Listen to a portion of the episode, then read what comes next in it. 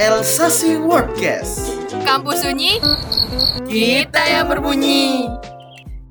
Assalamualaikum warahmatullahi wabarakatuh. Hello everyone, welcome back to Elsa Sing Wordcast. Kampus Sunyi, kita yang berbunyi. Podcast kali ini kalian akan ditemani sama aku Ayu Dan aku Sinta. Gimana nih kabarnya teman-teman di rumah? Aku harap kalian semua dalam keadaan sehat ya. Karena nggak terasa kita udah menjalani setengah perjalanan di semester ini dan masih dengan keadaan kuliah daring dari rumah. Gimana yuk menurutmu selama ini rasanya menjadi mahasiswa online? sangat melelahkan kak. Apalagi kalau setiap hari yang dipantengin itu laptop sama HP mulu. Belum lagi kalau ada tugas yang menumpuk banyak banget. Daripada pusing mikirin tugas yang numpuk, mending refreshing otak dulu nih sama kita. Yuhu, bener banget. Tapi yuk, kamu tahu nggak sih topik yang akan kita bahas kali ini? Banyak banget yang pada nanyain di kolom Q&A Elsa Sing Podcast loh.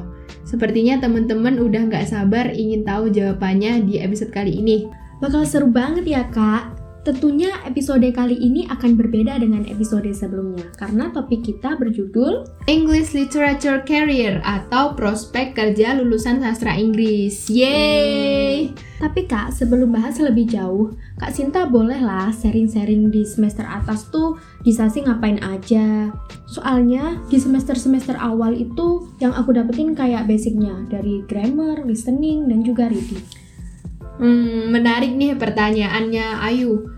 Uh, awalnya aku nggak pernah bayangin ya di di sastra Inggris nih mata kuliahnya bakal gimana aja. Terus bener banget emang, di awal kita masih mendalami hal-hal yang basic seperti yang Ayu sebutkan tadi.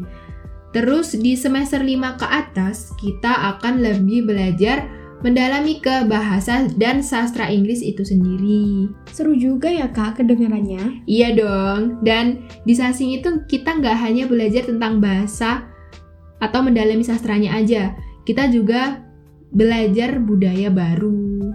Melihat begitu banyak hal yang dipelajari di Sasing, tentunya prospek kerjanya juga banyak ya kak. Yups, bener banget. Mengingat kamu tahu kan bahasa Inggris itu bahasa universal yang digunakan sebagai bahasa internasional di seluruh negara. Tentunya peluang untuk memilih profesi lulusan sastra Inggris juga pasti banyak dong. Spill langsung aja kak, apa aja peluang kerja lulusan sastra Inggris? Pertama, kita bisa menjadi pengajar seperti guru atau dosen, karena menjadi educator adalah ranah dalam sasing juga. Hmm, tapi kan kalau jadi guru atau dosen, apa bedanya kita sama yang jurusan pendidikan bahasa Inggris? Yang jelas-jelas gelarnya sarjana pendidikan, bukan sarjana sastra kayak kita. Hmm, kalau setahu aku nih, kita di semester 5 itu ada mata kuliah profesi yang mana salah satunya tuh ada profesi teaching. Nah, kata teman aku nih yang ambil profesi ini, kita bakal diajarin gimana aja sih caranya mengajar. Seperti nyusun silabus, dalam kurikulum, dan masih banyak lagi yang relate dengan profesi seorang tenaga pendidik. Nah, kebetulan guru aku bahasa Inggris SMA nih yuk, ada yang gelarnya sastra Inggris kok sas, sa, gelarnya sarjana sastra kok bukan sarjana pendidikan. Oh gitu ya kak, jadi tidak menutup kemungkinan kita bisa apply jadi guru atau dosen nantinya. Iya dong, tapi kayaknya nih nggak semua lembaga pendidikan memperbolehkan hal tersebut. Dan untuk itu kita juga kurang tahu sih lembaga pendidikan mana aja yang memperbolehkan sarjana sastra untuk menjadi tenaga pendidik di sana. By the way kak, tahu nggak first impression orang-orang ke aku waktu aku ambil jurusan sastra? Dikiranya cita-cita aku jadi guru. Padahal dari SMA aku tuh punya mimpi pengen banget jadi translator. Wah gitu ya Yu. Tapi bener sih cita cita-cita kamu kalau ingin jadi translator karena lulusan sastra Inggris bisa menjadi translator atau penerjemah loh guys. Seorang penerjemah biasanya akan berfokus pada menerjemahkan sebuah tulisan, bisa berupa dokumen, buku seperti novel, atau karya sastra lain seperti prosa, puisi, atau bisa juga nerjemahin jurnal internasional. Selain itu, kita juga bisa menerjemahin film yang berbahasa Inggris. But zaman sekarang kan teknologi udah semakin maju. Udah ada Google Translate, terus kamus-kamus online. Apakah pekerjaan translator itu masih dibutuhkan ya kak? Eits, tentu saja dong. Translator atau penerjemah nggak bisa disamakan dengan Google Translate. Dalam menerjemahkan suatu teks, kita tidak hanya mengganti teks ke bahasa sasaran aja, tetapi seorang penerjemah juga harus mempunyai kemampuan untuk mengungkapkan kembali isi pesan bahasa sumber ke bahasa sasaran. Tapi sebelumnya kalian pasti bingung ya, kenapa aku ngomongin bahasa sasaran sama bahasa sumber? Nah, ini aku kasih pemisalan aja ya yang simple. misal kamu ingin nerjemahin bahasa Korea ke bahasa Indonesia. Nah, yang menjadi bahasa sasaran itu adalah bahasa Indonesia. Dan yang menjadi bahasa sumber adalah bahasa Korea. Jadi kesimpulannya, menjadi penerjemah nggak sesimpel itu ya Yu. Kita harus belajar berbagai metode, teknik kompetensi, dan masih banyak lagi nice information banget nih untuk aku dan teman-teman Elsa Sing lainnya. Kalau soal income untuk penerjemah, kakak tahu, udah tahu belum? Wah, kalau aku sendiri sih kurang tahu ya. Coba deh, mungkin Ayu lebih tahu karena tadi katamu kamu pengen jadi translator. Pasti udah mempertimbangkan dong penghasilannya nanti. Oke deh, aku spill sekalian. As far I know, jadi seorang translator, kita bisa bedakan menjadi dua tipe yakni penerjemah tetap sama penerjemah lepas atau biasa kita sebut freelancer. Penerjemah tetap biasanya menjadi karyawan pada perusahaan asing, media massa seperti stasiun televisi, dan masih banyak lagi. Untuk seorang penerjemah tetap, biasanya mendapatkan gaji yang sesuai beserta tunjangan-tunjangan lainnya. Nah, untuk freelancer, biasanya mereka mendapatkan job langsung dari klien ataupun pada perusahaan yang membutuhkan jasa penerjemah sementara. Income per bulan seorang penerjemah rata-rata berada di angka 6 juta rupiah per bulan, Kak. Wah, lumayan banget ya penghasilan dari translator. Terlebih tuh kayak yang kamu bilang, penerjemah freelance tuh udah mulai banyak dilakuin oleh para mahasiswa asing. Kan lumayan juga ya buat nambah duit jajan. Eh, maksudku nambah pengalaman yuk. Bisa aja mah Kak Sinta. Oke, sekiranya pembahasan profesi kali ini cukup sampai di sini ya, Kak. Yuhu, tapi jangan lupa kita akan berpindah ke sesi yang lebih menarik yang ada di setiap akhir episode podcast. Sesi apa tuh, Yu? Langsung aja kita ke sesi Q&A Elsa Sing Wordcast.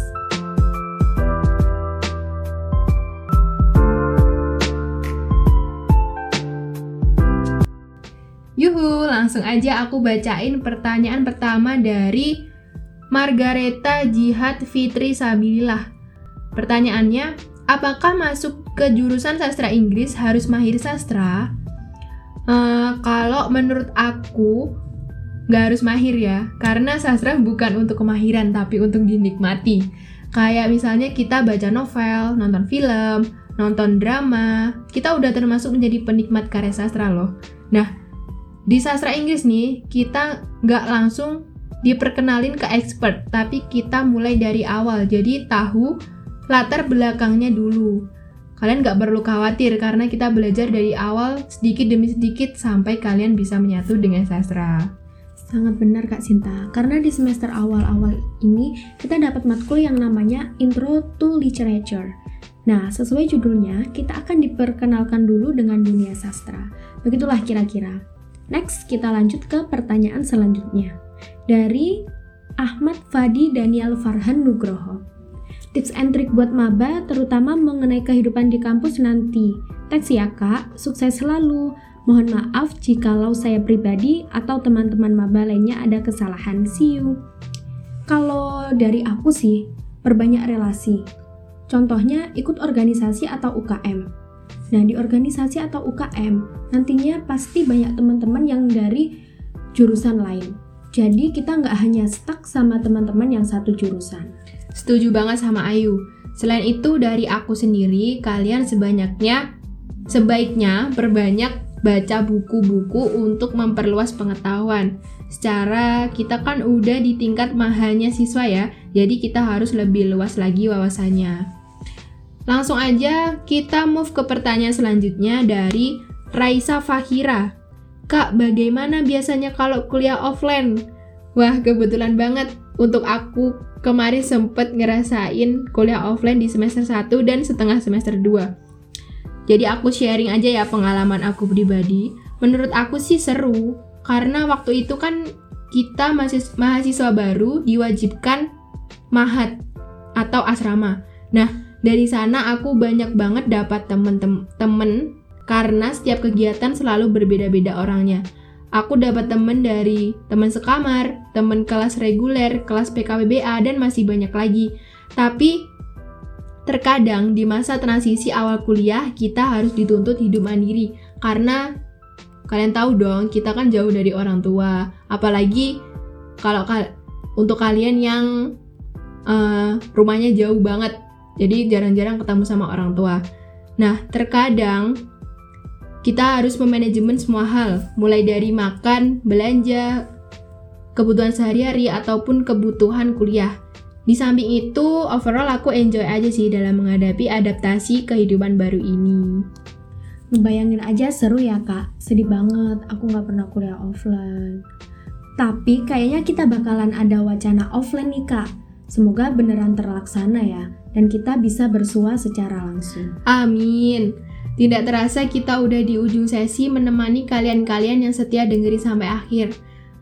Terima kasih ya untuk teman-teman Elsa Sing Podcast semua atas pertanyaan-pertanyaan dan waktu yang diluangkan untuk mendengarkan episode kali ini.